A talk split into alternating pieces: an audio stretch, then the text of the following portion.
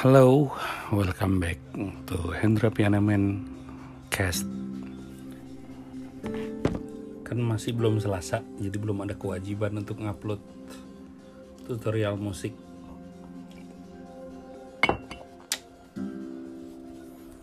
Eh, aku pingin ngomongin soal semangat sih.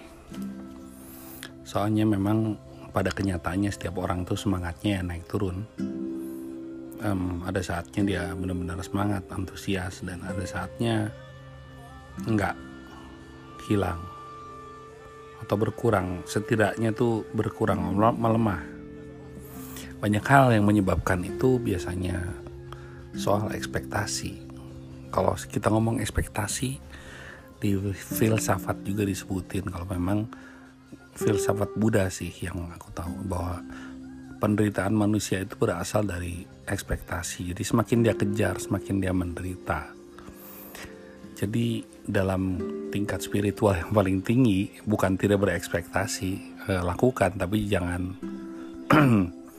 apa ya effort boleh tinggi, tapi ekspektasinya ya jangan terlalu tinggi.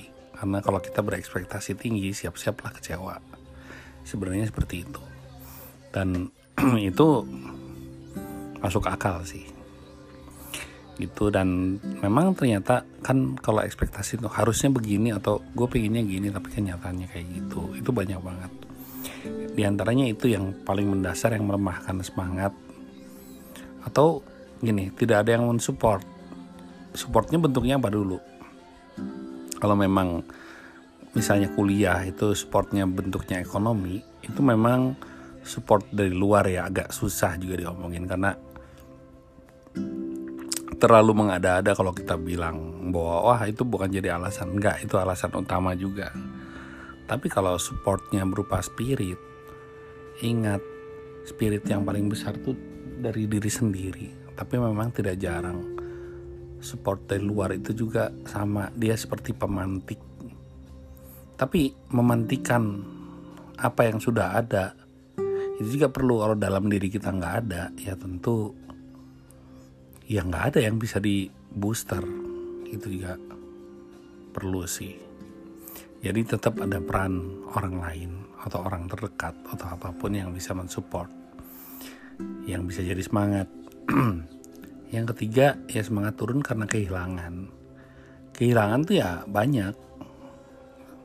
Kehilangan secara finansial, kehilangan harapan, kehilangan orang-orang yang disayangi, itu juga bisa melemahkan semangat. Eh, apa ya? Iya, gimana ya? Kita bisa kehilangan siapa pun, tapi yang idealnya kita memang nggak boleh kehilangan diri sendiri Makanya boleh kita jatuh tapi segeralah bangkit. Kalau ya gimana ya nggak bisa langsung kan tetap tapi ya nggak apa-apa lah menikmati dulu masa jatuh atau menikmati kesedihan.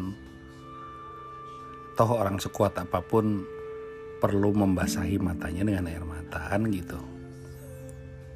Biar dia lebih kuat atau dia biar dia menghargai kesenangan emang harus sedih dulu. Gitu kan? Baru dia oh rasanya senang tuh kayak gini ya kemarin aku nggak kayak gini sekarang kenapa jadi kayak gini? Mungkin ya kayak gitu. Makanya sebenarnya ya kita boleh nggak punya apa-apa. Kita boleh nggak punya siapa-siapa sekalipun. Tapi kita harus tetap memiliki diri sendiri. Kita harus punya semangat. Jadi itu opening yang terlalu panjang. Aku mau cerita dulu ketika aku ternyata kehilangan orang tua yang memang tulang punggung jadi orang tua aku dia divorce. Jadi aku cuman sama mama. Nah mama aku nggak ada karena cancer. Kehilangan dia berarti kehilangan juga sumber finansial yang berujung pada aku harus meninggalkan kuliah karena aku harus fokus ngeband long trip gitu gitulah untuk ya bisa hidup bisa cari duit nah waktu itu ya nggak kepikiran akhirnya nyelesain kuliah karena memang nggak bisa ngambil kedua macam itu. Kalau sekarang sih enak bisa online ya kan? Kalau zaman gue dulu kagak ada online online. Emang harus datang ke kampus. Satu satunya yang sistem modul tuh ya UT dulu. UT tuh masih kayak buku gitu loh. Sistemnya modul terus ada kuliah Sabtu Minggu gitu. Um, ya kuliah online tuh pertamanya adanya di di luar negeri sono. Dan bahkan kalau yang muridnya banyak itu dia pakai TV di, di ruangan kampusnya. Mungkin ngajar dosennya dari kantor jurusan terus mahasiswanya dari setiap ruangan-ruangan ada banyak TV itu kalau kuliah-kuliah umum. Kayak gitu. Nah ketika itu aku ya down kehilangan mama ya down dengan harus milih bagaimana gue harus menyikapi ini untuk melanjutkan kuliah sumpah otak sih masih mampu tapi ekonomi nggak mampu. Beasiswa juga aku bukannya nggak dapet aku sempet dapet. Tiga semester aku dapet beasiswa dulu dari Super Semar. Um, karena ngeband jadi akhirnya ya bukan nyalahin ngeband sih intinya mah aku nggak bisa ngatur waktu aja sebenarnya. Memang berat kalau mau kuliah sambil kerja ya gimana untuk bersikap adil dengan kedua kewajiban itu yang itu juga menuntut pasti ada ada skala prioritas sih. Nah itu kalau menurut aku sih. Nah waktu itu aku akhirnya ya memang hidup itu harus memilih. Kalau nggak memilih nanti kejadian itu yang akan memilih kita harus mengalami yang mana. Mungkin kayak gitu sih. Gila sih kadang-kadang gue mikirnya sampai ke situ. Nanti akan dipilihkan gitu. Nanti ya udah deh takut salah ngomong. Akhirnya aku memilih untuk pamit dari kampus untuk mm, tidak melanjutkan waktu itu. Terus aku bingung sih.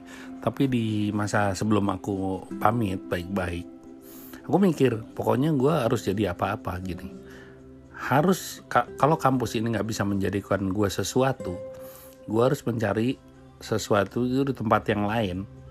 Kayak gitu. Nah kalau tempat yang lain itu juga nggak bisa jadiin gue sesuatu berarti gue harus menjadikan diri gue sesuatu. Jadi memang harus gue sendiri yang bisa create itu. Jadi jangan ngarepin dari luar. Dari situ memang untungnya gue di musik jadi bisa jadi berupaya jadi arranger dengan modal belajarnya komputer. Komputer sampah sih kalau sekarang itu. Mungkin komputer purba sih. Komputer Pentium 2 itu baru ngerekam sebentar udah drop out audio. Tapi kan dulu ya MIDI doang kan ya.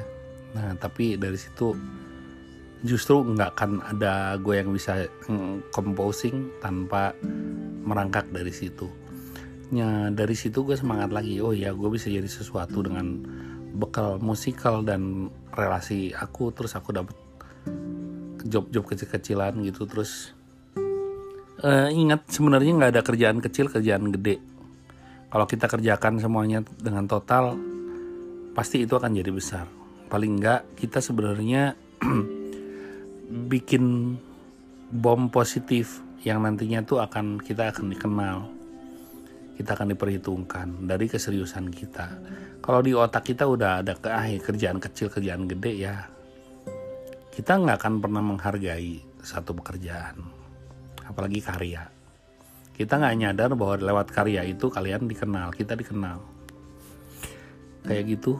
Hmm, jadi memang kuncinya memang kita pasti banyak gagal. Makanya harus ada plan A, plan B kalau menurut aku sih. Nah, agak khawatir sih sekarang misalnya teman-teman yang muda-muda yang adik-adik yang muda mungkin pengaruh dari semuanya serba cepat dunia dalam genggaman. Jadi nggak mau ribet gitu. Atau hanya mematangkan diri di planning tanpa memikirkan tantangan waktu eksekusinya kayak gimana. Nah itu mungkin bedanya zaman aku yang tengah-tengah dengan kalian yang muda-muda mungkin di situ ada sedikit. Tapi hebatnya itu kalian belajar apa-apa cepet pasti yakin gua. Um, asli gitu. Uh, tapi mengenai emotional intelligence itu yang memang harus di diingat kembali bahwa itu tuh perlu kayak gampang ngedown, gampang bete atau gampang marah, gampang menyerah atau terlalu exciting, over confidence itu juga bahaya sih. Kalau kita terlalu semangat atau terlalu uh, antusias atau terlalu exciting terhadap sesuatu kita juga harus perhitungkan kalau ekspektasi itu nggak nyampe siap nggak down nih? Gitu.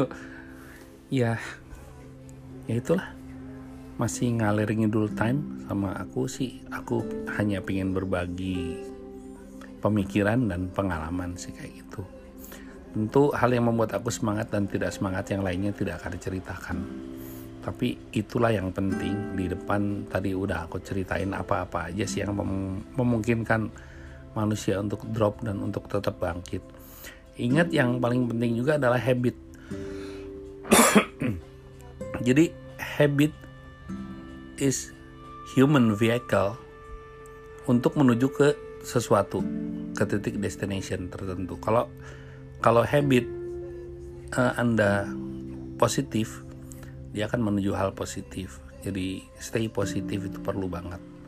Tapi kalau habit kita negatif terus ya kita akan menuju kehancuran. Karena terlalu banyak berasumsi negatif. Nah gitu kan. Biasanya asumsi itu lebih cepat dari kecepatan cahaya. Iya kali gitu ya karena bener cepet banget. Tanpa dipikir terus langsung berasumsi. Itu nah, aku juga nggak tahu kecepatan cahaya itu berapa. Lupa. Harus lihat lagi buku Einstein. Ah kira-kira kayak gitu. Uh, tetap stay positif dan semangat sih. Seterpuruk apa pun kita. Gali puing-puing semangat kita. Barangkali masih ada dan kita bisa pantikan sendiri. Atau minta orang lain memantikannya biar kita tetap kembali semangat. Gue masih percaya sih um, gimana pun keadaannya kalau masih ada semangat tentu semuanya masih bisa di dibangkitkan kembali. Sebagaimana hasilnya ya uh, paling tidak orang yang punya semangat tuh udah mengupayakan sesuatu dan bukan diam. Itu sih. Hmm, segitu aja. Salam